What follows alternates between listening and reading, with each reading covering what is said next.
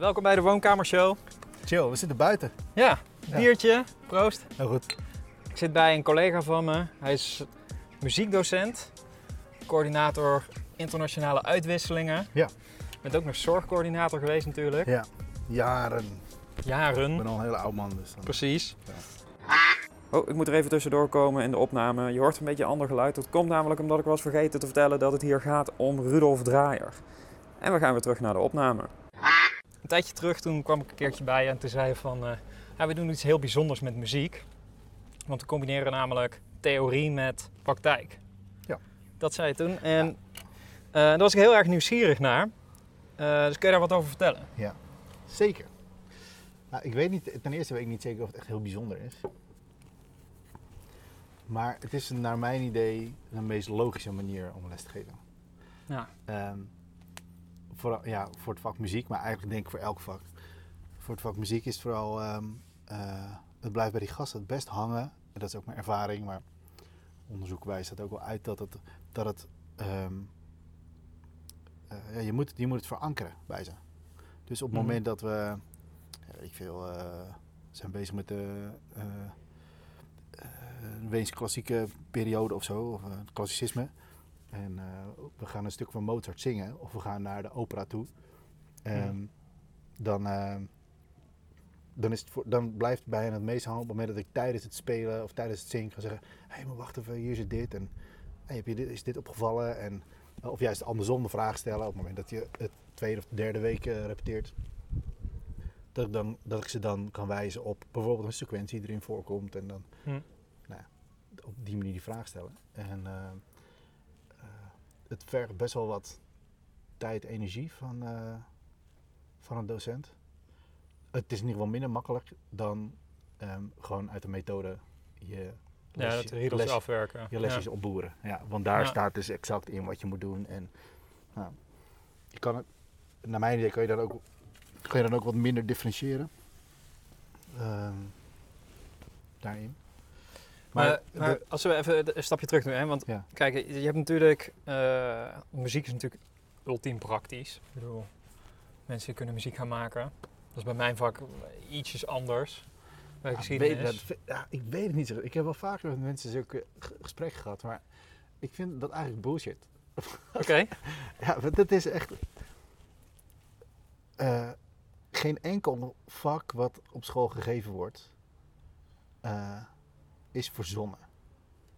Het is, er, is niet, er is niet een vak wat ze bedacht hebben wat niet voorkomt in het dagelijks leven. Waar, Ja. waar je niet. Weet je, de, ja, jij geeft geschiedenis natuurlijk. De, alles is geschiedenis.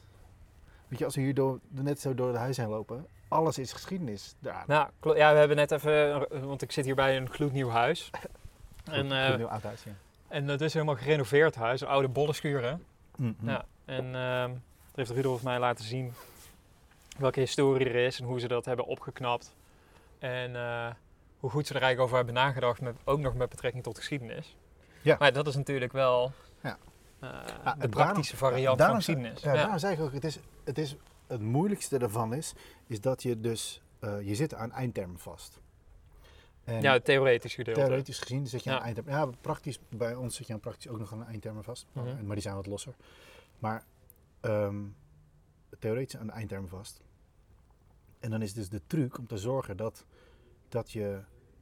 eh, eh, dat je die dus verwe- verweeft in je praktisch onderdeel van je lessen. Kijk, en Eh, hoe, maar even, hoe ziet dat dan eruit? Want kijk, ik, ehm, je, je hebt dan aan de ene kant de praktijk, aan de andere kant theorie. Nou, Ja. Voor het eindexamen moeten ze bepaalde theorie kennen. Ja. Ehm, Maar dat is allemaal. De, de, als je kijkt naar een eindexamen muziek. eh, nou, niet iedereen zal weten hoe dat eruit ziet. Dan heb je. ehm, als je een keer gesurveilleerd hebt, dan weet je een beetje hoe het eruit ziet. Dat is altijd wel hilarisch. Zit zo met een koptelefoontje op en dan krijgen ze allemaal geluidsfragmenten te horen. En op basis daarvan moeten ze vragen beantwoorden. Dus eigenlijk moeten ze ehm, gewoon het allemaal op gehoor kunnen, kunnen herkennen. Dag, Buf. hallo. Nee.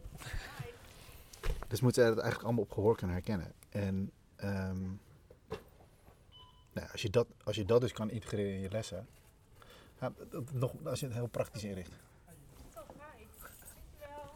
postbode komt Zij langs. krijgt echt veel pakketjes alleen. Ja.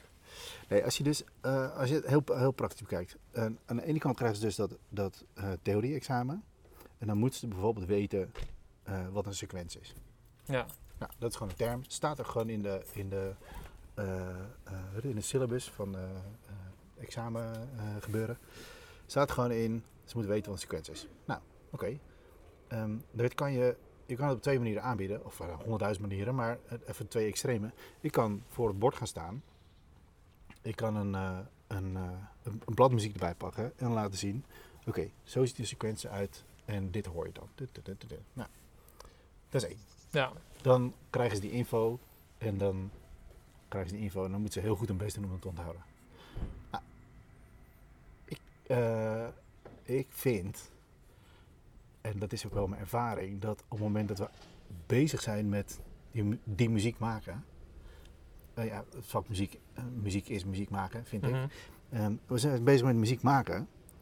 Ehm, en ik weet wel aan welke eindtermen ze moeten voldoen. En ik kies dus de stukken daarop uit waarvan ik weet, oké, ik kan dus bijvoorbeeld in dit stuk kan ik de sequence behandelen. Dan zijn we aan het spelen. En dan, nou, dan. eh, de meest bekende is. eh,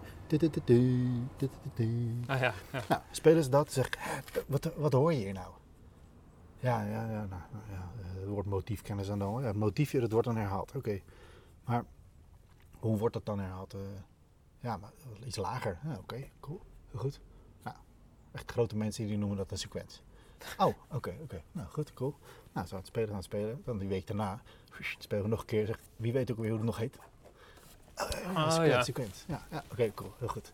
Nou, en op het moment dat er dus ehm, bij een toets wordt gevraagd van ehm, wat, eh, waar zie je een sequentie in het stuk, of waar hoor je een sequentie in het stuk, dan, Dan denken zij ze nog aan. weer, Oh ja, wacht. Oh, dat was het.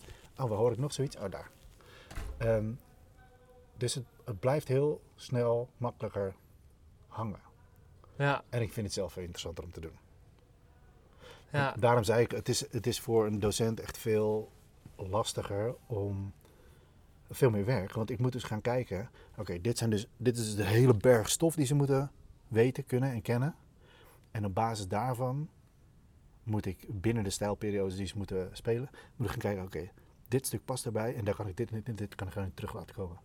Ehm, en eigenlijk wil ik het een paar keer terug laten komen, dus dan moet ik zorgen dat ik de juiste stukken heb die en die ze cool vinden om te spelen.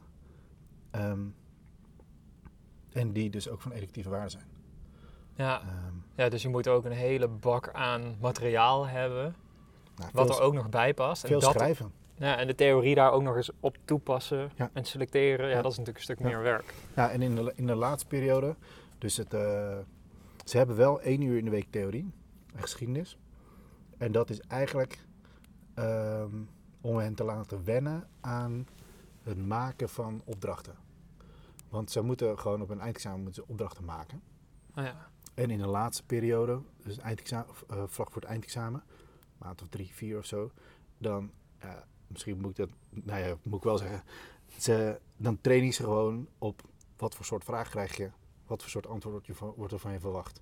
En dan moet je dus dit ongeveer... trucjes. Ja, trucjes. Ja. Dat is, ja, dat is echt, eh, Maar dat betekent dus dat eh, in het geval van een 6 VWO-groep, dat je dus eh, jaar 4, 5 en tot drie maanden voor het eindexamen 6, dus eigenlijk alleen praktisch bezig bent. nou, je bent minimaal 70% van de tijd praktisch bezig. Ja. Ja. En eh, ik weet niet of Maar je het weet bent- hoor, maar is dat maar- bij andere scholen echt anders? Denk je? Dat is meestal 50-50. Oh ja.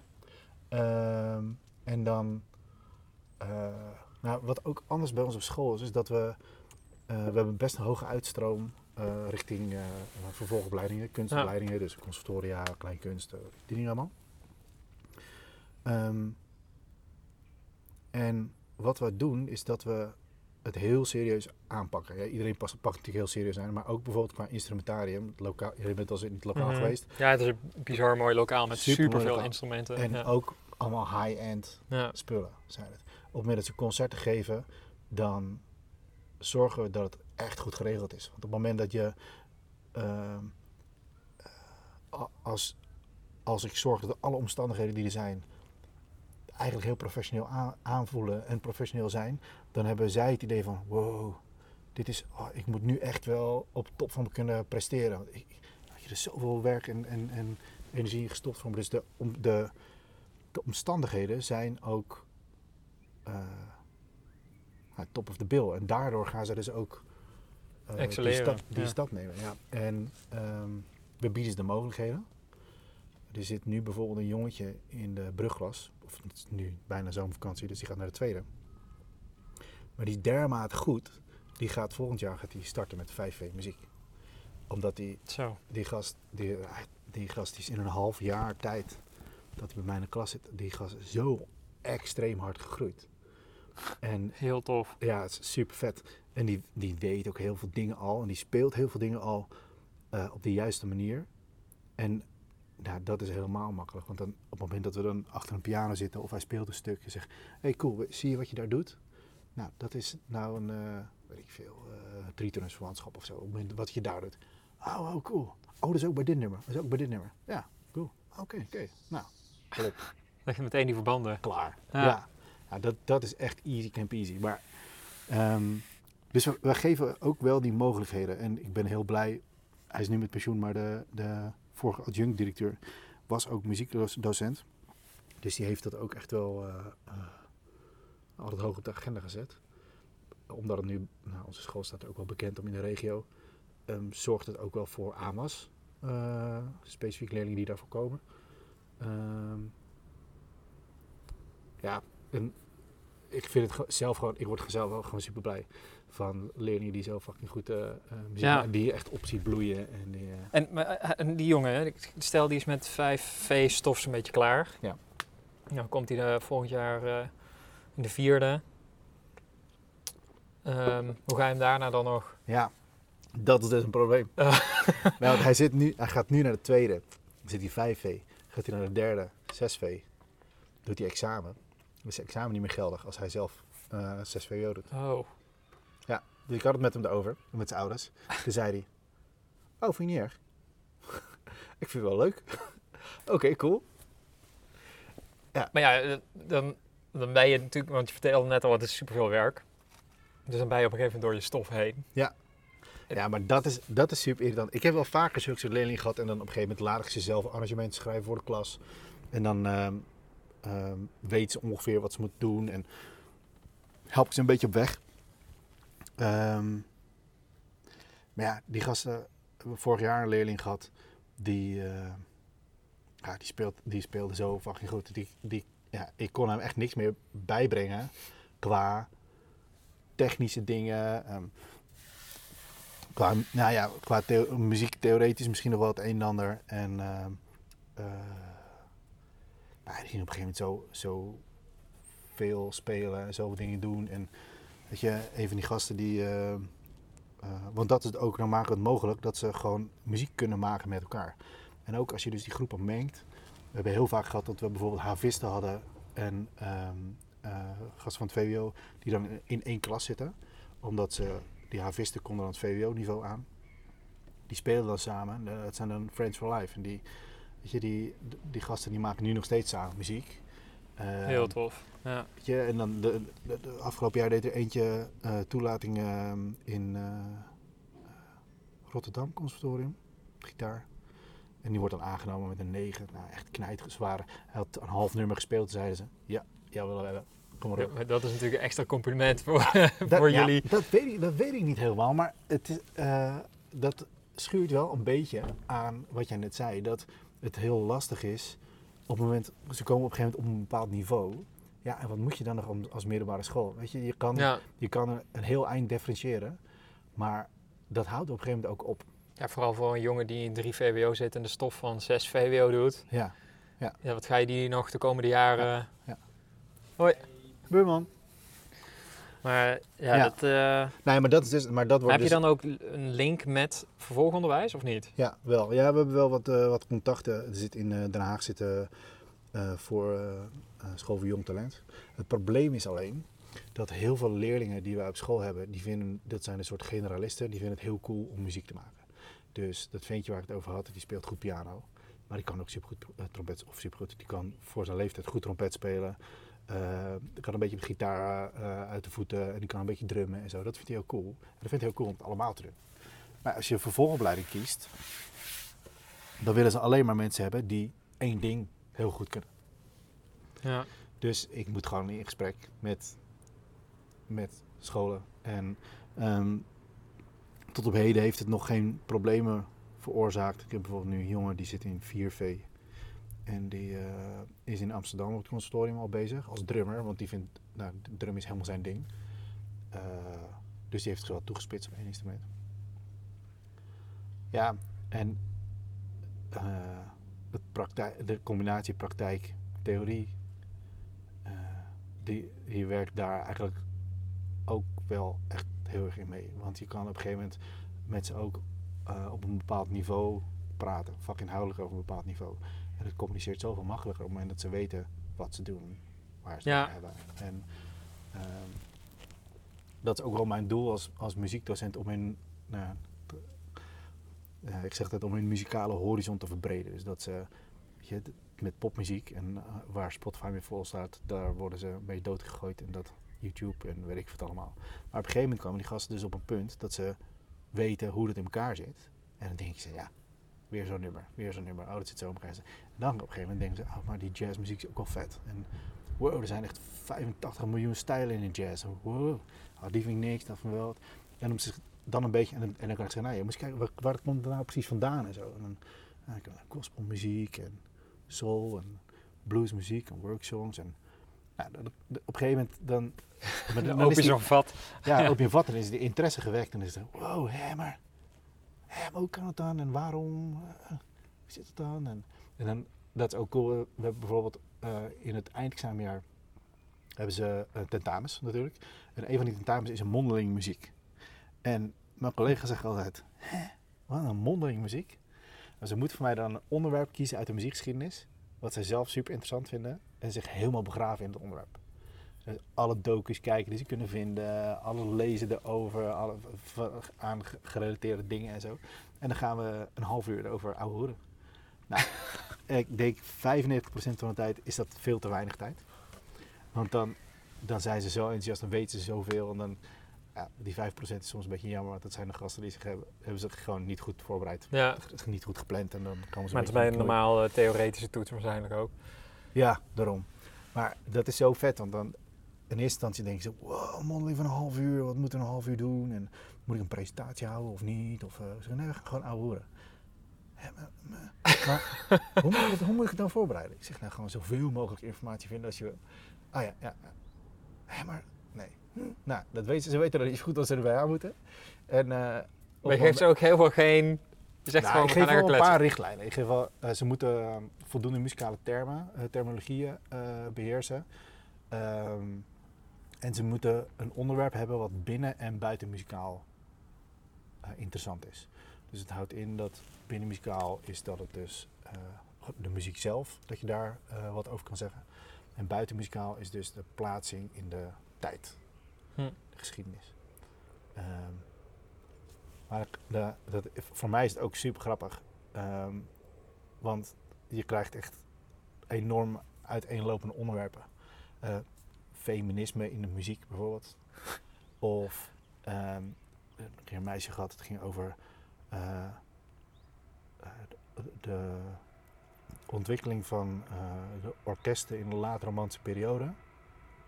Um, en dat wilden ze dan ook linken aan, uh, aan de industriële revolutie en uh, zulke dingen. Maar het is super bizar, want dan komen ze zelf... Ja, en, en, je hebt natuurlijk ook gasten die zeggen, oh, ik doe het over de Beatles. Ja, dat, is de meer standaard. Ja, dat heb je ook. Ja. Uh, maar dan is het natuurlijk mijn taak om te zeggen, oké, okay, ja, cool, Beatles, weet je, dat heb ik al 35 keer gehoord. Maar ga ga even eerst even zoeken, ga even kijken. Misschien kom je iets tegen waarvan je zegt, oh, dat is vet of dat is vet.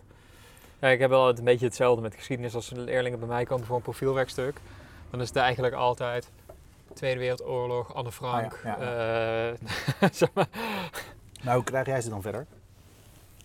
Of, of, of vind jij dat, oké, okay, laat je hem daarbij? Als ik, als ik heel eerlijk ben, vind ik dat dan wel, vind ik dat eigenlijk wel oké. Okay. Maar dat, uh, kijk, ik accepteer niet gewoon, ik wil iets doen over Anne Frank. Ja. Dus daar, ik, ik ga ze dan wel helpen om daar dan wat specifieker in te worden. Maar kijk, het, eh, als iemand oprecht geïnteresseerd is in Anne Frank. Ja. En ik heb inmiddels al een 35ste profielwerkstuk over Anne Frank gelezen. Ja. Dan, vind, dan vind ik niet dat ik in de weg moet staan Nee, voor, nee, nee, nee, nee, klopt. eh, Klopt. voor die interesse. Maar het is wel precies wat je zegt. Eh, kijk, op het moment dat ik merk dat het een leerling is die zich probeert er makkelijk van af te maken, dan probeer ik hem wel op een ander onderwerp Ja. te krijgen. Maar op het moment dat ik ja, of gesprek... uitdiepen. Of, of, sturen in een, in een richting. Ja, Want je kan ook, als je het hebt over, over Anne Frank, dan ja, wil je kan het ook over eh, verzetstrijders hebben. eh, precies. In het Ja. algemeen. Ja. Het- Of over iemand anders met een vergelijkbaar verhaal. Dus niet per se Ja. Anne Frank. ja, zoiets, ja. Ja. Ja. En, ehm, Want het Anne Frank, want dat is iets wat in hun horizon ligt. ja, want dat is wat ze kennen. Ja, en dan vind ik het cool om te zorgen dat ze op een gegeven moment, dat ik het zo kan oprekken, dat ze, eh, weet je, zo'n blu- blues bijvoorbeeld ook zo'n onderwerp wat eh 9 van de 10 gitaristen aangrijpt. Maar ja, om dan die hele eh, volksverhuizing naar de afschaffing, van de slavernij erbij te halen. En eh, eh, hoe dat doorwerkt in alle andere stijlen muziek. En eigenlijk dat we bijna de hele popmuziek die we nu kennen te danken hebben aan ehm, het import van, eh, importeren van slaven vanuit Afrika. Nou, op het moment dat je ze tijdens een gesprek eh zover hebt en dat ze zelf die link leggen en denken, oh fuck ja, Ah, wow, dat is echt. En, en eigenlijk vraag ik elke keer, dat is een standaard vraag tijdens zo'n, zijn, eh, tijdens zo'n mondeling van, oké, ehm, heb je nog vette docu's gezien? En 9 van de 10 keer zeggen ze: Oh ja, ja, ja. Oh, je moet deze even opzoeken. En die is ook vet. En op Netflix staat dit. Dat is echt cool, jongen. En dan kwam ook dit tegen. En, ja, weet je, en, en, en dan gaan ze het lokaal uit. En dan zijn ze, dan zijn ze zo, ehm, ja, zeg dat? Zo opgetogen en helemaal van, eh, oh, dit is echt cool. Dat, Het is wel grappig dat je dit zegt, want ik heb het eigenlijk meestal ik het andersom. oh, Ja. ja, ja. Ja, want dan komt een leerling met een onderwerp waar hij dan vrij weinig van weet eigenlijk. Maar natuurlijk, ik heb wat meer kennis, dus dan zit ik altijd, oh, het is super vet, dan kun je die documentaire kijken en dan kun je dat Oh, ja, kijken. Ja, ja, ja. Maar het is denk ik wel, wat je nu zegt, is eigenlijk wel een stuk beter om de leerling daar zelf mee te laten komen. Want het gaat er uiteindelijk om dat die leerling... Ja, het is die, ik heb ooit op mijn consultorium had ik een, eh, een methodiekdocent en die eh, noemde het eh, ont- ontdekkend leren.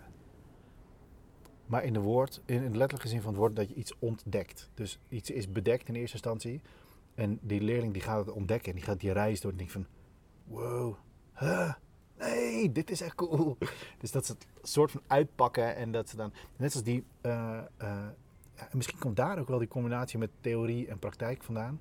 Of dat is dat misschien de reden waarom ik me zo goed eh, voel hier bij ons op school, dat ik dat daar kan doorvoeren ook. Ehm, de combinatie van eh, die theorie en praktijk is dat ze dus een stuk spelen en denken, oh cool man, dat heb ik onder de knie. En dat je dan nog eens een luikje open doet en zegt, kijk eens daar naar, wat zie je daar gebeuren? Of wat zie je daar gebeuren? En dat ze dan, wow, dit zit echt, ah, dit zit echt in elkaar. Of dat ze dan die skills onder de knie hebben, dat als je het heel basic trekt, bijvoorbeeld die eerste klassers die ik dan, eh, die talentklassen die ik, eh, die ik heb, die, ehm, dat zijn allemaal leerlingen die specifiek kiezen voor eh, het vak muziek een x aantal uur extra in de week volgen. Dus die zijn gemotiveerd erin, dus dat is wel echt wel een pre hoor. Ehm, die, nou, die spelen dan een stukje eh, muziek. En dan hebben zij bijvoorbeeld een partij op de piano toebedeeld gekregen. Nou, Zo'n stuk bestaat uit eh, misschien twintig verschillende partijen, dus ook twintig verschillende instrumenten. Ehm, en dan nou, hebben zij die pianopartij, dan moeten ze voor de eerste keer akkoorden spelen. En dan doen ze eerst drie nootjes tegelijkertijd. En dan eigenlijk verdenken ze dan in figuurtjes. En dan lopen ze de tweede les, zijn ze het al- alweer vergeten. Ja. Dan weten ze niet meer precies wat het figuurtje was. En dan vragen ze, zou ik nog even uitleggen hoe dat systeem in elkaar zit? Ah, eh, ja, ja, nou, dat is goed. Dat is goed. Ah, ik, zegt ze. Maar ik kan ook wel een filmpje maken hoor, van mijn handen. Hoi. Goeie man. Ehm, dan zeggen ze, ja, ik kan ook wel een filmpje maken van mijn handen. Ik zeg, ja, is goed, maar voor het volgende stuk dan weet je het ook misschien wat je ook. Het wel uitleggen. Nou, dan leg ik echt serieus in drie minuten uit wat minor en major is, hoe dat werkt. hè. Wijs ik aan op de piano zo en zo. Zeg, dus wat, wat is dan, wel, dit akkoord speel ik nu, wat is dat dan? Oh ja, ja. Oh, oh oké.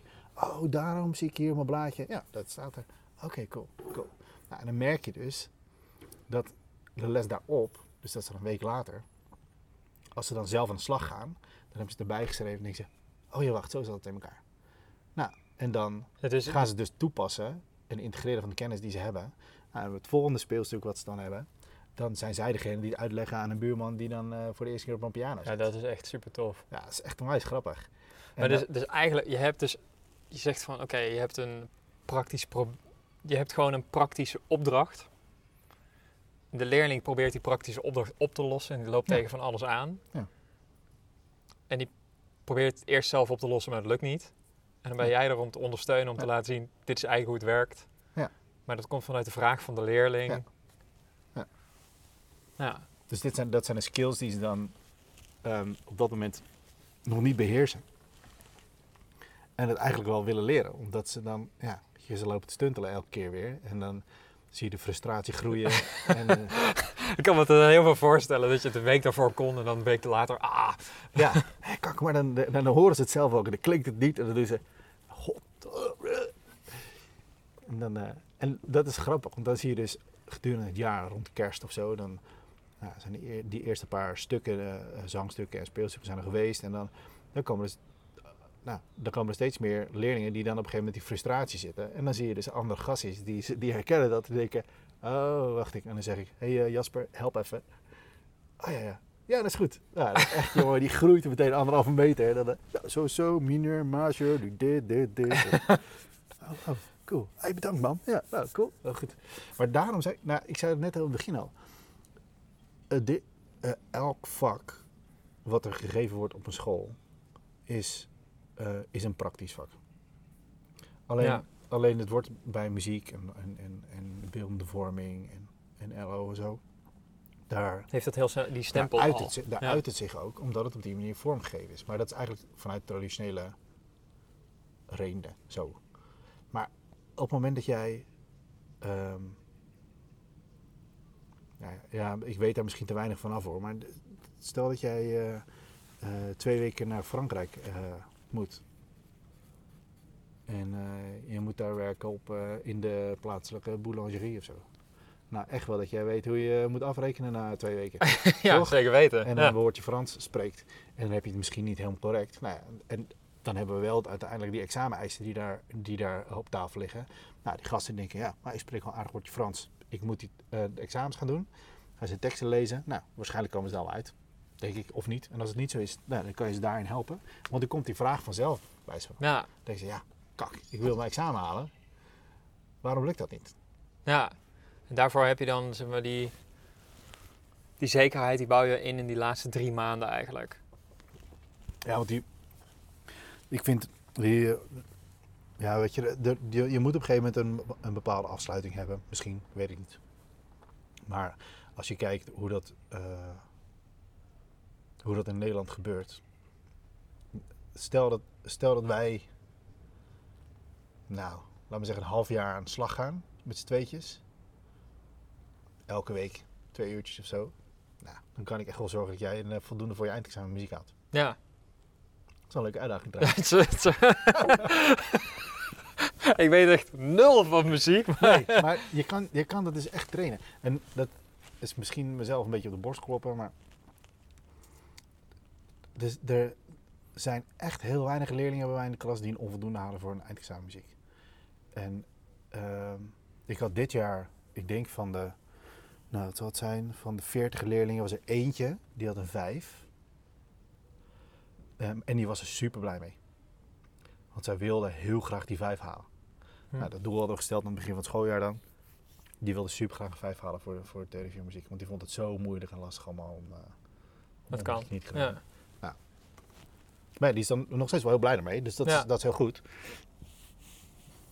Maar ik heb het idee dat je voor ehm, de examens die je in Nederland afneemt, dat je daarvoor kan trainen. Dus niet voor niks dat als ze, weet je, als ze bij ons op school eh, eh, zelf even niet, zien, niet, niet zien zitten, dan kopen ze zo'n cursus bij eh, de universiteit. ja, Dan gaan ze een weekend daar naartoe en dan halen ze twee punten hoger. Dan worden alle trucjes Ze, laten zien. ze worden ja. niet opeens heel veel, heel veel slimmer, denk ik. Nee. Nee, dus, dus ja. ja. Ik weet niet, maar dat, dat is een andere, ander onderwerp, denk ik. Over Ja, dat gaat denk ik ook over een stukje motivatie, denk ik, Eh, om het te doen. Want stel, een leerling die heeft de laatste weekend voor het eindexamen en denkt ineens, shit. Ja, ja. Die komt daar bij die cursus. Die krijgt dan waarschijnlijk dezelfde trucjes te zien, of dezelfde soort trucjes te zien als dat ze bij ons op school hebben gehad. Ja.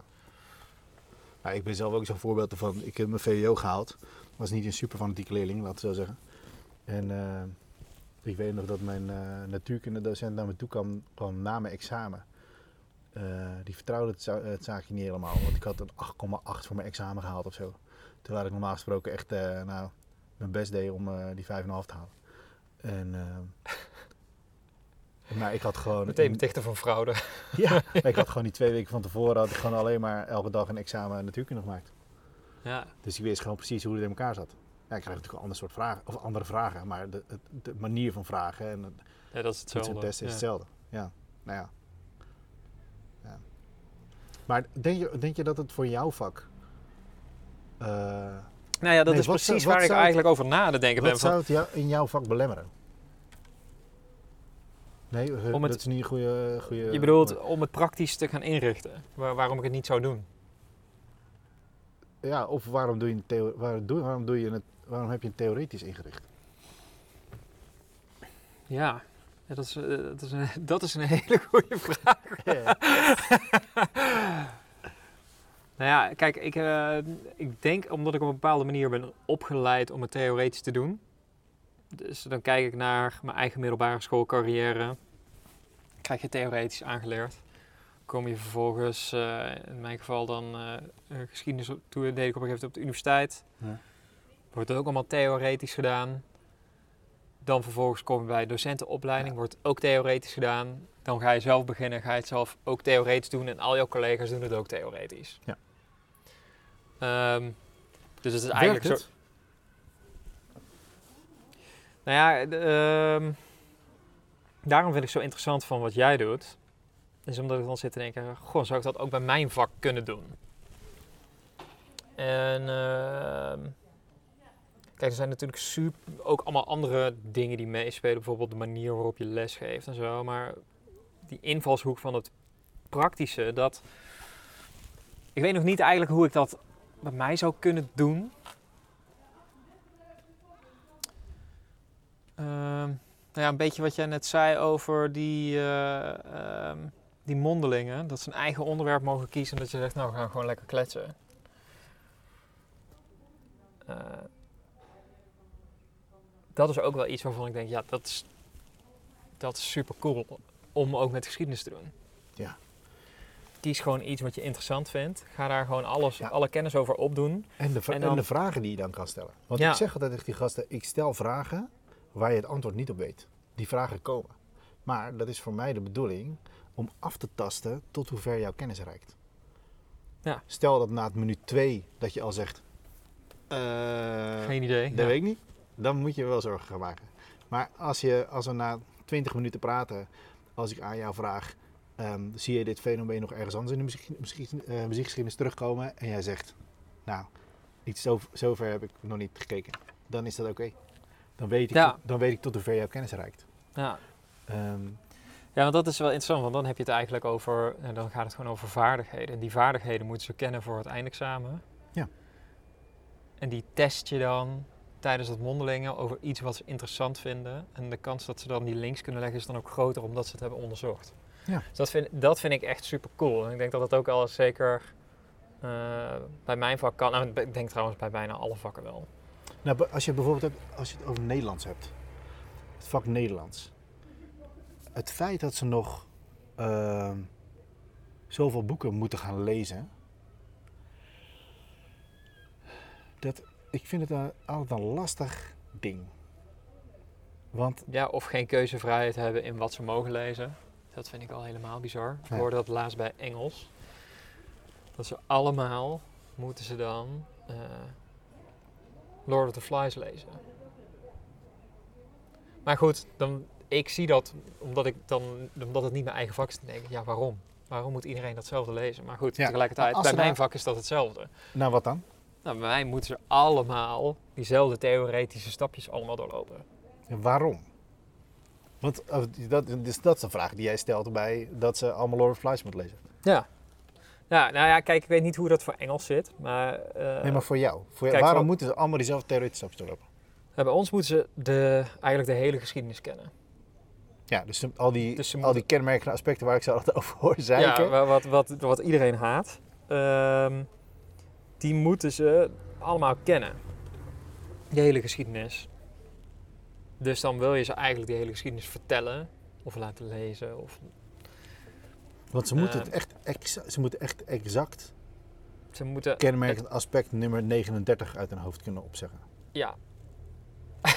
Waarom dat zo is, dat vind ik al te belachelijk voor woorden. Ik, dat Nou, heeft... kan je je bedenken waarom dat is? Ja, ik kan er wel bedenken waarom, het is, waar, waarom dat er ooit is ingevoerd. Dat is omdat iedereen ehm, ehm, op het eindexamen dezelfde stof getoetst moet worden.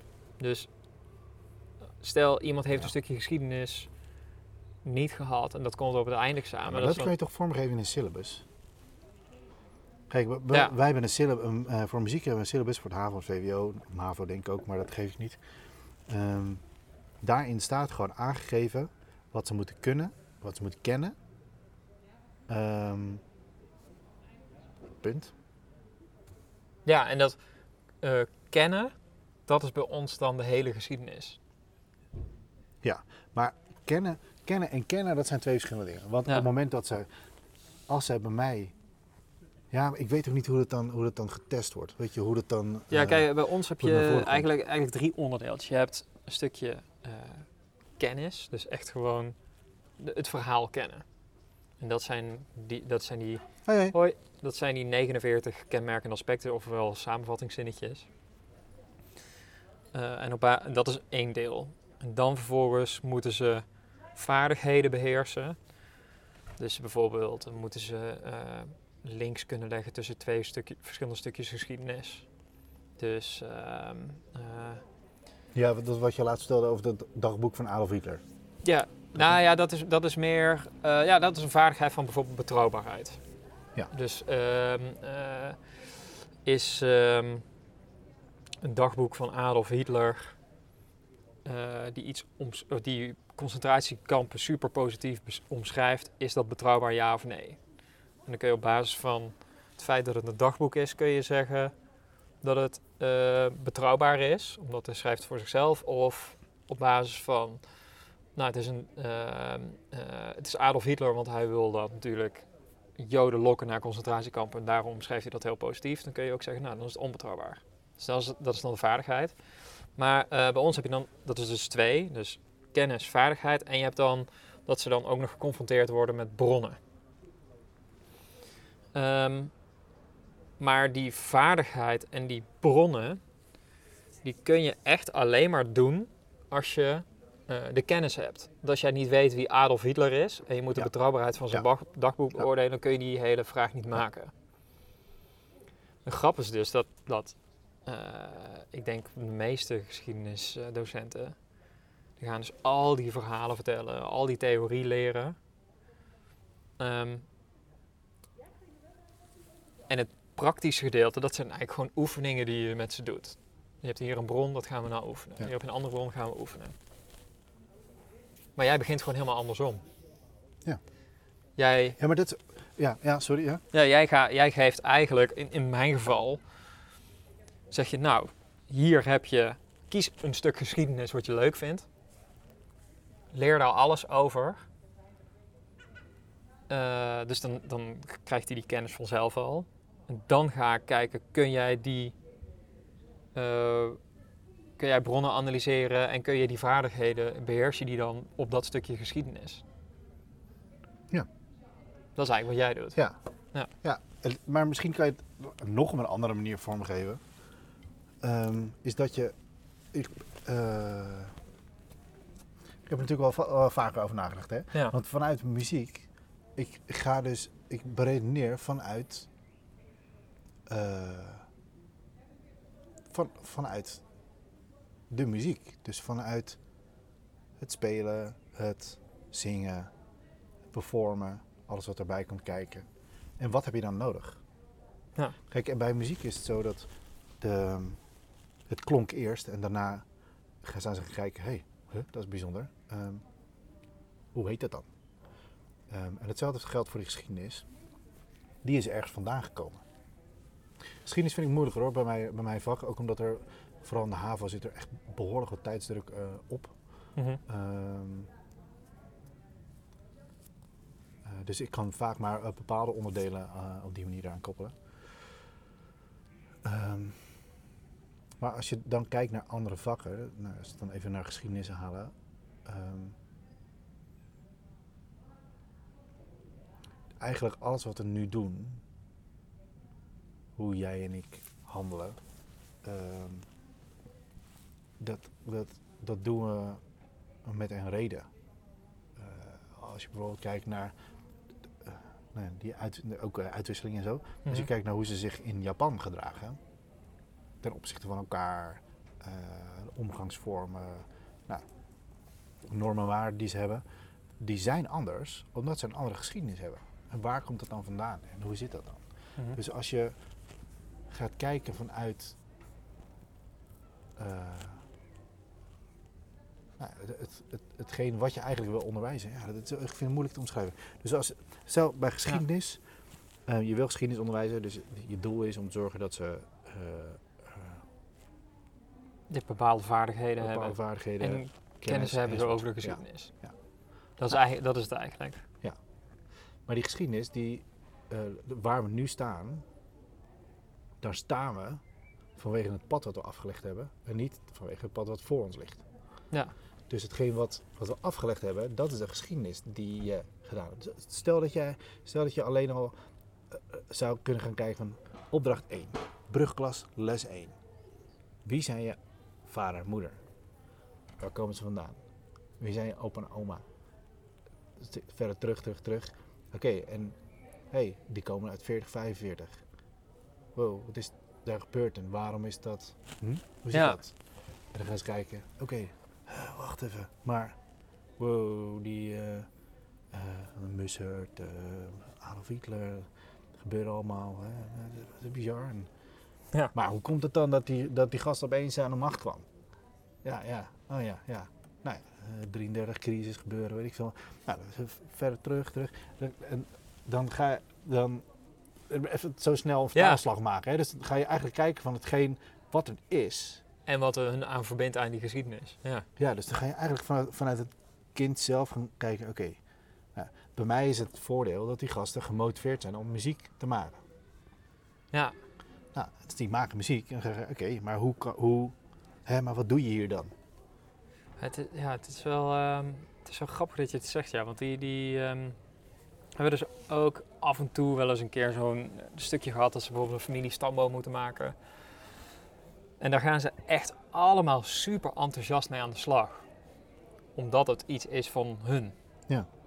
Ehm, Als je alleen, ja, Ja. sorry, sorry. Maar als je alleen ook kijkt naar, je hebt zo'n eh, programma op tv en dat gaat over eh, ook stambomen uitzoeken en zo. En ja, je klopt, ja. Ziet, je ja. ziet bij iedereen, dat gaat dan echt knijten terug, eh weet ik veel, helemaal richting het allemaal slavernij, koningen, ja. slavernijverleden. Of dan sta je opeens in de kerk in Delft, want daar ligt dan een voorvader begraven, weet ik veel allemaal. Je, en dan, en dan, dan komt ook de tijdsgeest erbij kijken. Ja. Van, maar hoe, hoe zit dat dan en waarom? En ik denk namelijk dat, en dat is een logisch gevolg, want de tijd, de tijd heeft dat ook veroorzaakt, ehm, eh, dat in het onderwijs eh, vakken zijn hokjes geworden. Mhm. Waar we moeten het examen halen. ehm, en de school wordt afgerekend op zijn eindresultaat enzovoort, enzovoort. Dus dit moet je kunnen kennen. Bam. Vlak bra. Pompen erin. Klaar. Maar weet je, met Engels. Ik ben pas... Ik was echt... Engels was echt een rampvak voor mij. Ik, was, eh, ik deed altijd rustig aan op school. Dus ik had een exact pakket. Dus als ik het begreep was chill. Want dan had je weinig huiswerk. Maar met Engels, daar moest, je, moest ik dan voor leren. Nou, dat was ten eerste rampzalig. En het lag me ook echt niet. En dat ging gewoon niet goed. En ik ben pas Engels gaan spreken. Dat is één onderdeel natuurlijk, want je hebt ook wel lezen en weet ik veel dat grammatica gebeuren. Toen ik een jaar eh, in Australië heb gezeten, Nieuw-Zeeland, dan moet je het gebruiken. Ja, Nou, super praktisch. En ja. wat is je doel? Wat herinnert iedereen, sorry, wat herinnert iedereen zich nog? Ehm, waar lijk je ze voor op? Waarom doe je het? En op het moment dat dat je ze dus zo kan onderdompelen in zo'n vak. Want dat is hetgeen wat je ze wil leren. Ja. En weet je, dat met, met elke taal is dat denk ik zo. En met het Nederlands.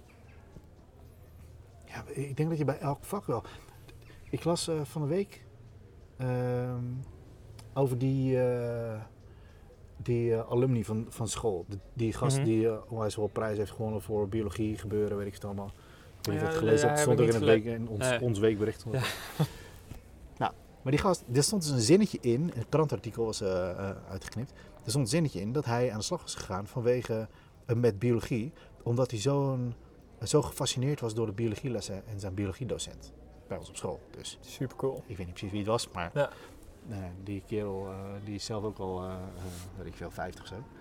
Maar ehm, dat kwam omdat hij, ging naar buiten met die gasten. Hij ging naar buiten, ging dingen onderzoeken, alles wat in omge- omgeving staat, eh, ging dat onderzoeken. Ging die eh, eh, experimenteren met micro-organismen en zo. En nou, die kerel is daar dus helemaal door gegrepen.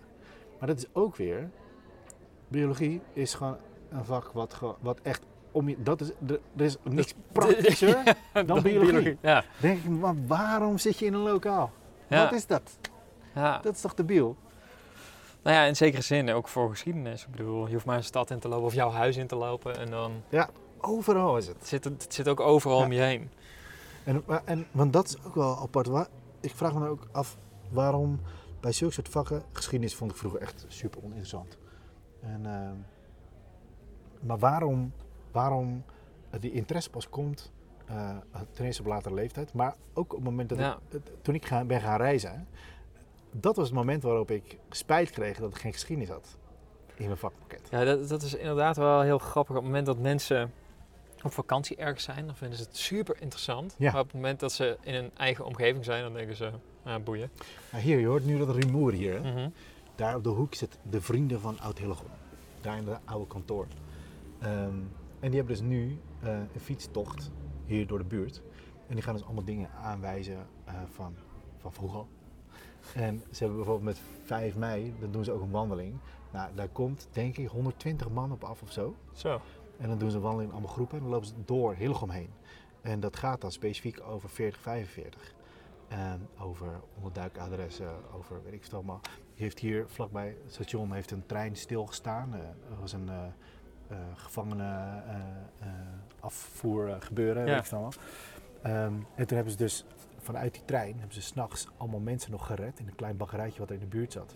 Allemaal, allemaal eten naar binnen gestopt en weet ik veel. Nou, dat vertellen die gasten allemaal. En er staan onwijs veel mensen erbij. Maar, maar ook gewoon gassies van 14, 15, 16. Die lopen ook mee, want die vinden het super interessant. Hier om de hoek staat een hele oude eikenboom nog. En daar stond vroeger een huisje bij. En daar woonden de gezusters, bla bla bla. Naam weet ik even niet meer. Ehm, de gezusters, iets. En dat was dus het aanstuurpunt van het verzet in de hele Bollenstreek. Ongelooflijk. En dat is Ja. op een gegeven moment verhuisd naar hier, een, eh, naar de Olmorst, naar een, eh, naar een, eh, een eh, fruitbomen gebeuren. En die hebben ze verplaatst daar naartoe, want die hadden een hele lange oprijlaan. Want dan kon je op het moment dat de Duitsers die oprijlaan op kwamen rijden, had je voldoende tijd om te zorgen Om- dat je alles ja. kon opbergen en, en verstoppen. Weet ik dan. Ach, super interessant. En toen rond en dacht ik, wow, dit is echt vet. Dit te lachen. Ja, en doe dat inderdaad versus je, je zit in een klaslokaal met een boek. Je Ja. gaat het lezen. Ja, maar echt geschiedenis, de, geschiedenis, maar elk vak is om je heen, overal. En daarom, eh, nou, ik zei net ook al, ik moet altijd een beetje gniffelen als mensen zeggen, ja, maar jij hebt een praktisch vak, dus dat is makkelijk. Nou, ja, dat kan. Maar ik- weet ook, ik weet ook scholen waarin, waarin ze dus eh 30 keyboards in de klas hebben staan. En iedereen die moet gelijkertijd hetzelfde deuntje eh, spelen. Maar het is een motorische vaardigheid, vaardigheid die je gewoon je eerste vinger, tweede, derde en terug. Dat moet je doen. Nou, als je dat tegelijkertijd doet, heel goed. Ja, dat, fuck it, dat is geen muziek maken. Dat is geen muziek maken. Maar dat kan je ook doen. Ja. Dat is een beetje dezelfde benadering als eh, eh, ik met mijn geschiedenis. Ja, klopt wel. Ja, of, Je, of, of met, eh, weet ik veel, eh, eh, met Nederlands of zo. Ehm, dit is een zin. Nou, haal de persoonsvorm eruit. Allemaal dezelfde zin? Ja, heel goed. Dat is het. Nou, klaar. is toch gek. Wil je nog een biertje? Mooi. Ja, Lekker. Ik ga Ja. een biertje halen. ja, dankjewel. Oké, dan heb ik meteen een volgende vraag. En dat is... ehm, eh, is dat... Kijk, jij draait nou de bovenbouw muziek. Ja. Zijn er meer mensen die bovenbouw muziek draaien? Henny Mhm. en Paulien. En die komen er zo aan, want die komen ook barbecuen. Super chill, mooi. Ja. Maar ehm, kijk, die gaan volledig mee natuurlijk ook met... Ik neem aan dat Ja, ze op dezelfde Paulien manier... is, Paulien is een oud leerling. Ja. Dus die heeft van, heeft van mij nog les gehad. Dus dat is wel grappig. Ehm, Maar die gaan wel volledig mee in dit verhaal, lijkt me. Van jou, van het praktische... eh, ja. Ja. Maar we vi- vinden Want het hoe is dat ooit moeilijk. gestart dan? Nou, ehm, Kijk, want stel, ik, ik heb namelijk nu dat ik denk, oh ja, echt heel tof. Ik zit meteen een paar dingen uit te denken, inderdaad, zo van zo'n familiegeschiedenis, vanuit daar doorwerken. Maar dat betekent wel, stel ik zou dat gaan doen, dan moet eigenlijk de hele volgorde en alles moet op de schop. Ja. Ehm, nou, dat is het voordeel bij ons vak. Er, is niet een, er is niet een volgorde. Ja, als je uit een methode gaat werken, dan is er een volgorde. ja, Maar wij, werken, wij hebben nooit uit een methode gewerkt.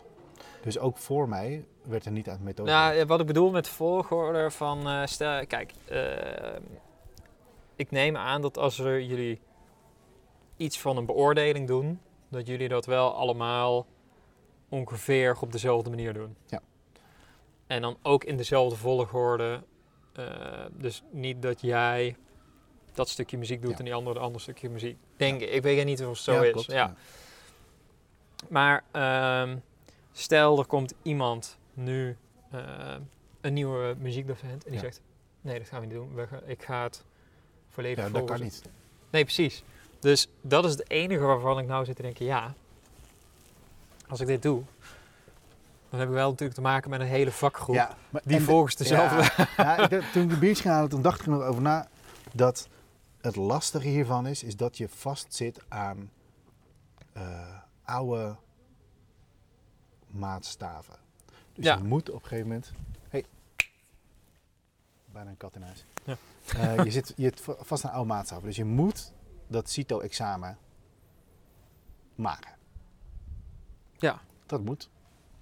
Nou, en ik vind dat altijd heel lastig binnen het onderwijs, maar volgens ik, ik denk dat het overal eh, het geval is. Op het moment dat je een andere richting op wil gaan, dan moet je nooit blijven meten met de oude maatstaven. Ja.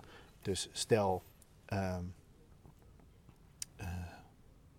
nou, je wil een verandering in het onderwijs door, doorvoeren, dan moet je niet blijven kijken, oh ja, maar we moeten wel die toets afnemen. En we moeten wel die toets afnemen. En dat kan dan niet. Dat kan niet. Nee, dat- maar je kan het wel proberen, maar dan slaagt je een nieuwe project nooit. Want dat voldoet nooit aan die dingen. ja. Terwijl als je over de grote lijn kijkt, dan is het misschien wel zo dat, het, dat je op een veel hoger niveau uitkomt. Maar niet volgens die stapjes. ja. Ja, eh, eh, kijk, ehm, ja, en dat is natuurlijk voor superveel mensen ook eng, want dan ga je die stapjes loslaten die zeg Ja. maar ze aangewend zijn. Ja.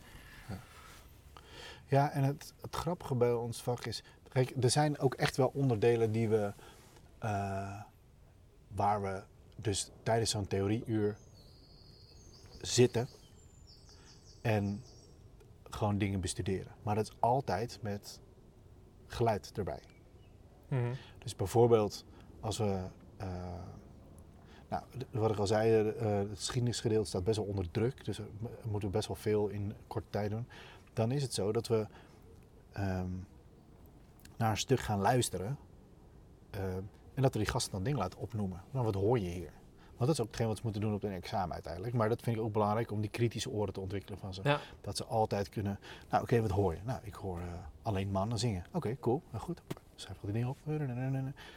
En dan hoef ik alleen nog maar te zeggen, oké, dus wat je niet hoort, jullie hebben hier nu allemaal kenmerken opgeschreven, dat is dit.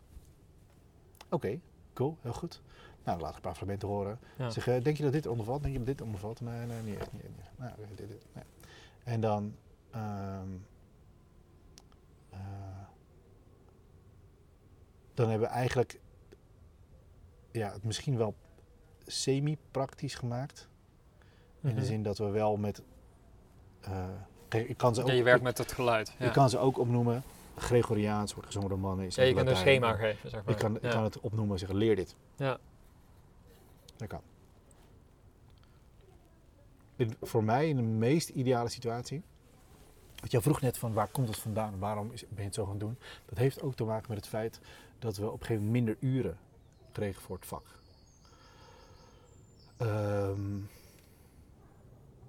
het, zelfs nog verder, we hadden, vroeger hadden we 45 minuten lessen. Mhm. En toen hadden ze vijf lessen per week van 45 minuten. En het zijn drie lessen van een uur geworden. Ja, dat is een behoorlijke inkorting. Ja, Dus dan moest, iets, dan moest ook wel iets veranderen. ja en, en dan, maar dan is inderdaad de vraag van hoe, hoe ben je dan daar opgekomen? Want ik weet niet hoe jij muziekles hebt gehad. Heb jij En niet. niet? Nee. Helemaal niet. Nou, in een brugklas. Nou ja, En er stond een kerel met een gitaar voor de klas. En die ging opla die opluiden zingen. en dan moesten wij meedoen. En toen, dat is de tijd waarin ik heel goed ben gaan leren graffitiën. in, mijn, in mijn schrift. ze worden ook allemaal talenten ontwikkeld. Ja, daarop. Maar Nee, dus dat, dat, eh, dat niet. Ehm, Ja, want is, er, er, was het dan dat jij dat er al op die manier een beetje werd gewerkt? Dat je daarin bent? Ja. Eigenlijk wel. Eh, wat er ook wel bij ons al gebeurde, is dat er ehm, in de onderbouw sowieso, eh, reguliere lessen van de onderbouw, wordt er alleen maar gespeeld en gezongen. En er zit bijna geen, component, geen theoretische component zit erin. Is dat normaal in Nederland? Nee. Nee. Ehm, wat ik daar wel in mis, en dat zijn we dus de laatste paar jaren wel aan het veranderen, is dat ze dus een bepaalde basis missen voor het eindexamen. Hm. Dus als in, in klas 4 beginnen met het eindexamentraject, dan mis ik gewoon een bepaalde basis. Kennis, gewoon. Ja. Dus als ik met eh, bepaalde vaktermen spreek, dan weet ze niet waar ik het over heb. Ja. Nou, dus dat zijn we nu aan het veranderen. Om eigenlijk de stukken die ze doen, de stukken die ze spelen. Dus het is, heel, het is allemaal collectief spel. Want je ziet op heel veel scholen tegenwoordig dat ze in kleine groepjes gaan musiceren. Hebben ze allemaal studiootjes en zo. En dan zitten ze, zijn ze allemaal in kleine groepjes zijn ze bezig. Maar hier, eh, eh, wij musiceren eh, echt met de hele klas. Ehm, en dan moeten we dus als docent die gasten ook wijzen op hetgeen wat er, wat er gebeurt in de muziek. Hm. Ehm, ja. en bijvoorbeeld op een gegeven moment de skills aandragen van, weet je, ehm ja, je moet nu op je gitaar moet je dit en dit doen. Nou, als je nou onthoudt dat je op een C moet beginnen, dan zit je goed. Huh, maar waar zit die C dan? Nou, hier, deze. En dat kan je zien, want uh, zo zit het elkaar nee, nee, uitleggen. Ah, oké, oké, cool, cool. Nou, dan, en eh, mijn collega Heini, die is, daar, die is beter in dan ik. En dat vind ik wel cool om dat ook af en toe weer bij hem te zien.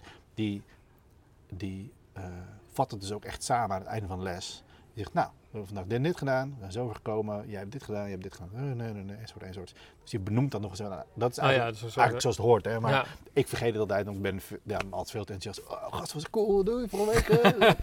Later. Ja, wat wel zo is, is dat ze, ehm, die gasten, als ze, als ze de les uitstappen, dan stappen ze allemaal de les uit van, fuck, we hebben echt hard gewerkt.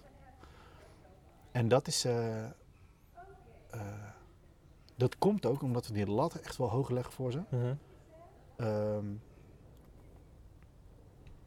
dus het zijn, het zijn wel wat meerdere dingen. Dus het, het feit dat we de, omge de omgeving voor ze scheppen, waarin ze dus goed kunnen presteren. En dat we niet genoegen nemen met eh, maar even zo eh, iets spelen. Ja. Dus de- we hebben bijvoorbeeld onze ouderwetse xylofoontjes in de, eh, in de klas staan. Nou, dan moeten ze een ritme spelen met z'n drieën tegelijkertijd, driestemmig. Een ritme spelen. Eh, nou ja, als je het ongeveer samenspeelt, dan kan je genoegen meenemen. Of je kan zeggen, nee, nog een keer. Het moet exact gelijk zijn. Want dat kan je. Iedereen kan dat. We kunnen dat gewoon tegelijkertijd spelen. Nou, en dan ontwikkel je dus die kritische oren van ze. En dan gaan ze dus ook echt...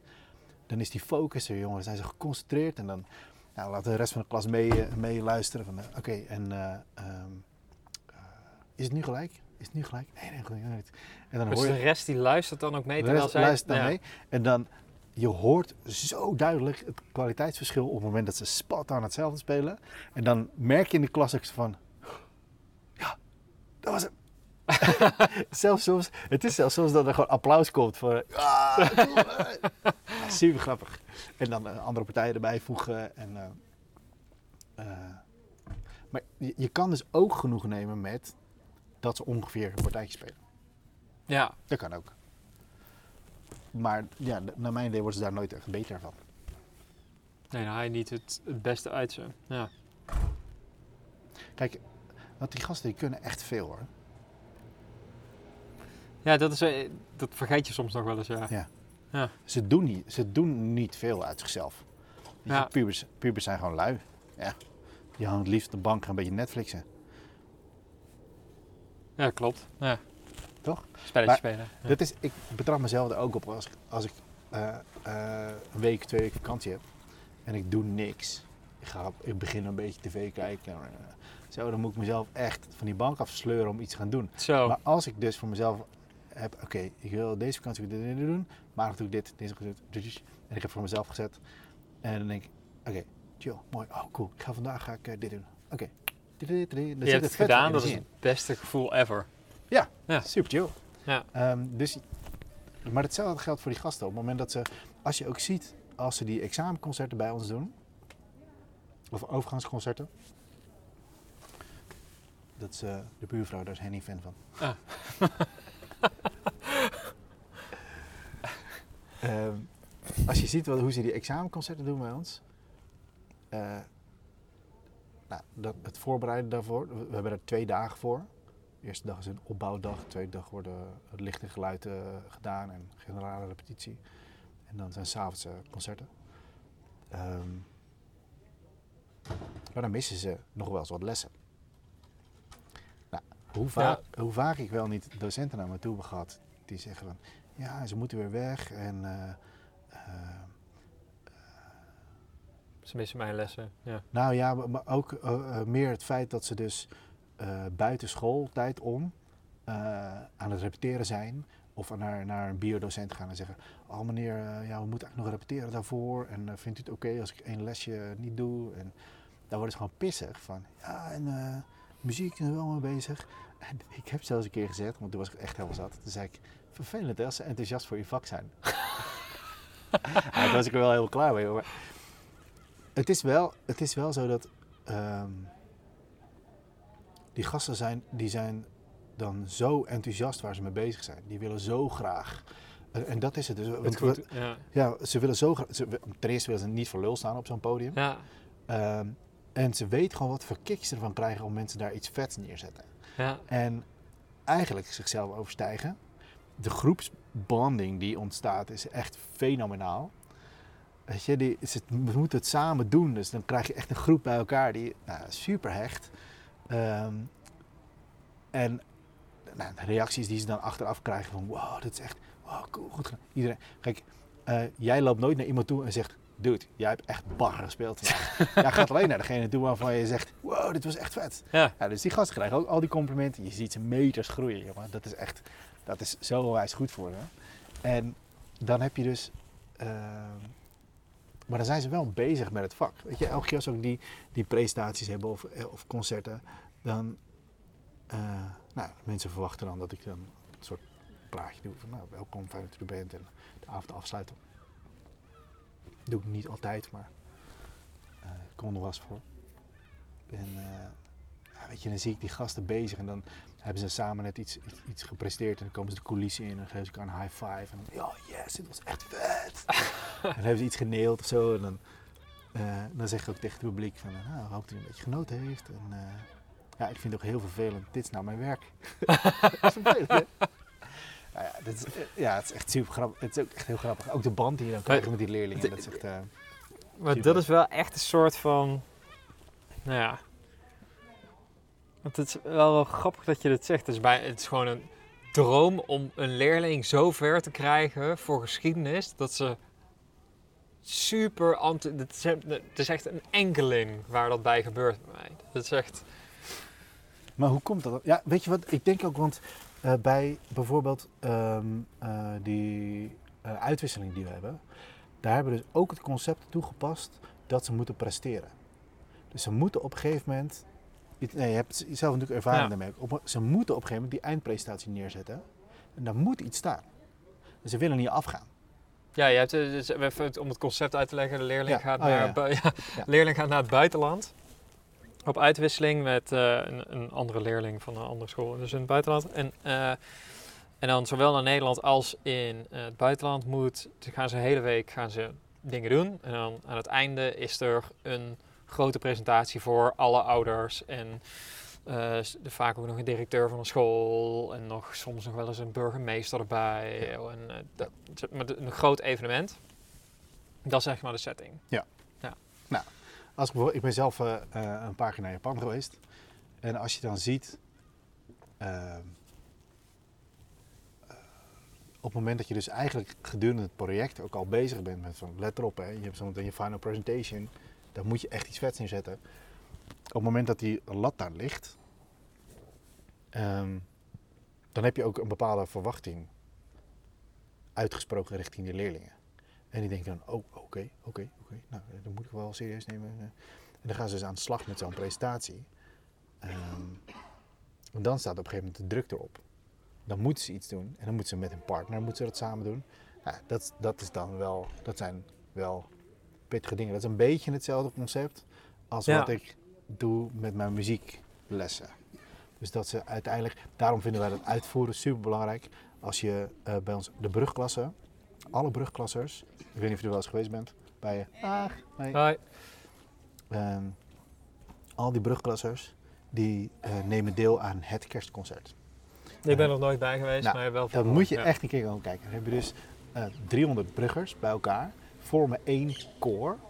En die zingen allemaal spot on, wat ik net vertelde over die xylofoons, super gelijk. Die zingen allemaal spot on eh, kerstliedjes. Met een, met een orkest samengesteld van leerlingen. Eh, nou, in de kerk. Eh, die setting is er ook helemaal naar. Want dat, nou. Mhm. ik zeg, je, je moet ook de setting creëren. De setting is ook helemaal naar. De hele dag hebben ze gerepeteerd met al die 300 bruggers bij elkaar. Ehm, kan je natuurlijk niet alleen. Dus dat, gelukkig zijn er een hoop collega's die daar, eh, daarbij assisteren. Of moeten assisteren ook Ja. soms. Ehm, en die gaan dan dus daar samen een concert geven van een uur of zo. Het bovenbouwkoor, dus dat zijn de eindexamenleerlingen, eh dat zijn een man of 80 of zo. vormt ook een koor, die zingen ook stukken, maar vierstemmig, klassieke liederen, weet ik het allemaal. De, de eerste keer dat die, dat die andere leerlingen dat horen, die bruggetjes dat horen, die denken, wow, dit is echt, huh? Super intimiderend. hier? ja, maar en ehm, omdat we die lat zo hoog leggen, weet je, iedereen, jij en ik, als we het even oefenen, kunnen we gelijkertijd een zin uitspreken. ja. Als je dan nog een beat eronder hebt, dan kan dat is helemaal makkelijk. Dus iedereen kan dat. Nou, en als, je- als je dus eh, voor die gasten die het lat dan zo hoog legt dat ze er echt voor moeten werken. Nou, bijvoorbeeld het allereerste applaus wat we al krijgen is het feit dat alle leerlingen, dat leren we ze in de les aan en op die dag ook, is dat ze gelijkertijd opstaan. Dat is een koor. Dat is een bepaald teken, dan worden ze stil, krijgen ze een teken, staan ze allemaal tegelijkertijd op.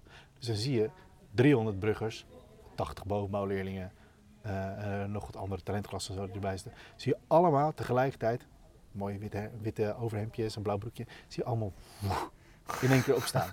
en dan hoor je dus in het publiek. en dan begint het applaus.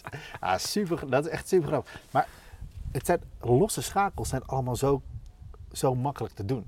Ja. Kijk, want als ik jou een teken geef om op te staan, dan kan jij dat doen. Ja. Als je met z'n tweeën bent, kan je dat ook doen. Met z'n drie kan je dat ook. 300 kan ook. Ja, en dan is het om te zorgen dat je dus, nou, dat ze niet ouwe worden achteraf. Nou, dat, ehm, en dan is eigenlijk de toon al gezet. Dus dan hebben ze dat eerste keer geoefend. Dan denken ze, nou, nou, oké, het zal wel, oké. Maar dan tijdens het concert staan ze op en dan krijgen ze dat eerste applaus. En dan zie je die gastjes al glunderen en denk je, wow, dit is cool. Dus dat is eigenlijk al het allereerste concert wat ze, wat ze ervaren, wat ze meemaken. Ehm, en tijdens de lessen hebben wij dat dus ook een soort stok achter de deur van je moet zometeen daar wel presteren. Je gaat er niet voor aanstaan. Je oma komt kijken, je opa komt kijken, er zitten 1200 man in de zaal. Die gaat, je gaat er niet voor lul staan. Man. Je bent toch niet die ene die niet op? Ja, ja. ja dat, is het, dat is het ook hè. Want overdag eh, oefenen we dat dan. En dan zijn er altijd twee of drie of misschien iets meer die blijven zitten. En dan, eh nou, ja, goed, er was de opmerking van, eh, nou, als je vanavond blijft zitten, dan, dan ben jij de enige waar die 1200 mensen naar kijken. als je het wil. Oh, nee, nee, nee. nee. Ja, het is heel, dus dat is wel grappig. En dat, dat heeft te maken met het feit dat ze dus een deadline hebben. Dat ze moeten presteren op dat moment. Ja, En ehm, ja, als je de vertaalslag zou moeten maken naar andere... nou ja, je- je- wat je zegt is, je hebt een, een, een- dat is precies wat je zei, die- je creëert een omgeving, Dus een deadline en helemaal een setting gemaakt, zeg maar, waarin ze dus moeten gaan presteren. Ja. Je maakt het praktisch, je doet ook dingen op basis van interesse. En dan eigenlijk is de theorie gewoon een, een ding wat daar toevallig, klinkt een beetje stom misschien, maar toevallig bij hoort. Ja, maar dat, is, het- is het niet zo dat de theorie... De theorie is iets... iets Ja, de theorie. is bij elk vak, Ja. elk vak is ontstaan. En daar is later die theorie toege- toegepast. Ja, om die praktijk makkelijker te kunnen maken. Maar wij gaan het nu van een andere kant aanpakken. En zeggen, nee, nee, dit is de theorie, dit is de theorie. Ah ja, en dit is ook praktijk. Hè? hey, gek. Ik, ik weet het niet. Ja. Ja, het is in ieder geval, ik, ik weet niet of voor het hele vak, of voor iedereen bij geschiedenis zo is, maar in ieder geval bij mij is dat wel zo. Ik denk dat het voor heel veel vakken ook zo is. Dat de theorie, dat dat toch een soort van regeert en de praktijk toch een soort van ondergeschoven kindje is. Ja. Bizar eigenlijk. ja, dat is gek toch? Ja. Weet je wat ik trouwens ook nog benieuwd naar ben? Over, eh, want je hebt dus leerlingen die gaan dan naar het conservatorium. Hè? Ge- Geven Ja. ze bij het conservatorium ook praktische les? Of, Ja. dus dan komen ze eigenlijk... Dan, Nou, dus- ze- eh, het is zo... eh, ehm, eh, er zijn heel veel verschillende conservatoria. hmm. En die verschillen ook allemaal heel erg van elkaar. Ehm, op elk vlak heb je weer een andere. ehm, eh, een ander. eh hey, andere buurvrouw. Eh, op elk vlak heb je weer eh, een ander conservatorium dat uitblinkt. Ehm, Maar is dat op basis van een instrument of zo? Of? ja, ook en de docenten die er lesgeven, maar eh, over het algemeen zijn conservatoria heel conservatief. Zit dat een beetje in het woord? heel conservatief. Dus die, eh, dan heb je bijvoorbeeld, eh, weet ik veel, eh, drie uur in de week je les op je instrument. En het is een beetje overeenkomstig. Ik weet dat het niet bij overal zo is, maar Ja. ehm, reproduceren. Dus dan speel je een stuk van, weet ik veel, Bach of zo. En dan gaat jouw docent zeggen hoe je het moet doen. Nee, nee, nee, nee, dat moet je iets meer zo. Nee, dat moet je iets meer zo. Dus dan ben je eigenlijk heel erg bezig met het reproduceren zoals jouw docent dat wil. Nou ja. Daarnaast krijg je, een, eh, krijg je heel veel theoretische vakken. Maar- Nou, ik denk ook, eh, er is zeker wel wat voor te zeggen hoor. Want ehm, op het moment dat je, eh, als, je de, als je die skills echt goed onder de knie hebt. Het is, het, het is misschien een beetje hetzelfde als je het vergelijkt bijvoorbeeld met kunstschilders. Mhm. Als je naar het hele vroege werk van Pablo Picasso kijkt, dat is super mooi realistisch werk. Ja, klopt ja. En, het, en van daaruit kan je dan, Als je dat eenmaal beheerst. dan ja. is het legaal soort van voor mij om daarna te gaan schilderen als een kind. Ja, omdat, omdat je eigenlijk een soort van bewijs hebt, ik kan dat andere ook. Nou, dat, je, dat, het, dat het bewijst dat je vanuit, vanuit een, eh, vanuit, Bepaalde beheersing of zo. ja, ma- maar dat je dus hetgene wat je op papier zet, dat het een bewuste, eh, bewuste keuze is. Ja, dat het niet is omdat je bent, dat het je bent beperkt of zo en daarom doe je dat maar. Nee, ik kan iets heel goed. En ik doe Kies dit met ervoor- een reden. Ja, Ja, ik, Ja. Doe dit, ik doe dit met, het is een bewuste keuze waarom ik, waarom ik een hoofd, waarom ik alle perspectieven van een hoofd eh, in één aanblik neerzet. ja. Dat is de reden waarom. Dus da- wat dat betreft kan ik zo'n consultorium wel volgen. Ehm, misschien is het, ja, ik, ik, ik, vind het, ik vind het wel lastig. Het zijn wel, daar, daar ben ik het zeker wel mee eens dat je, een bepaald level aan skills moet hebben om te zorgen dat je eh, gewoon dingen kan uitvoeren. Dus ook voor geschiedenis denk ik dat jij gewoon op een gegeven moment moet weten hoe, wat. Om van daaruit verder te Ja, kunnen de gaan. verdieping in te kunnen Dus gaan. jij Ja. zou af en toe misschien aan zo'n leerling moeten aan kunnen geven: hey dude, je bent nu wel op de verkeerde weg. Kijk anders even hiernaar. Ja, Of wat je nu zegt klopt niet helemaal, want dit en dit in de geschiedenis is zo gebeurd. ja. Zoiets. Dag Henny. Dat je haar wilt. Henny en ik gaan ook een keer een podcast opnemen over eh, EDU. Oh, Toch? Ja. tuurlijk. En eh, dus, eh, maar om even alles bij elkaar te pakken. Ja. Dus het komt er eigenlijk dus op neer. Eh, je laat iemand iets kiezen op basis waarvan hij geïnteresseerd is. Dat is een onderdeel van wat jullie doen. Bijvoorbeeld met die Eh, ja, ja, ja, Ja. Eh, je maakt, je zet een soort van einddoel met iets heel groots Waar ze moeten presteren. waar ze moeten presteren. Eh, en dat is praktisch. En dan is eigenlijk de theorie is een middel om daar te kunnen komen. Ja, en eh, dat het heel gek is dat uiteindelijk ons onderwijssysteem in vakken is vormgegeven. Ja, En dat we dus van, daar, van daaruit dat je, dat je alleen maar les krijgt op basis dat je de theorie uitgelegd krijgt en daarna zeggen, oh ja, en zo is het in de praktijk. Terwijl theorie ontstaan is uit praktijk. ja. Dus het heel logisch zou zijn om als je vanuit, vanuit, de de andere kant gaat redeneren. Ja, Als ik een muurtje ga metselen, dan ga ik een muurtje metselen en dan denk ik, oh wacht even, ik moet specie hebben. Huh? Hoe doe ik dat? Nou, dan heb ik die theorie nodig. ja. Top man. Nice. Thanks Cool. voor deze podcast. En eh, jullie ook bedankt voor het luisteren. En tot de Ja. volgende keer. Muziekje. Maken jullie ook een intro voor me een keer met leerlingen? Ja. Doei.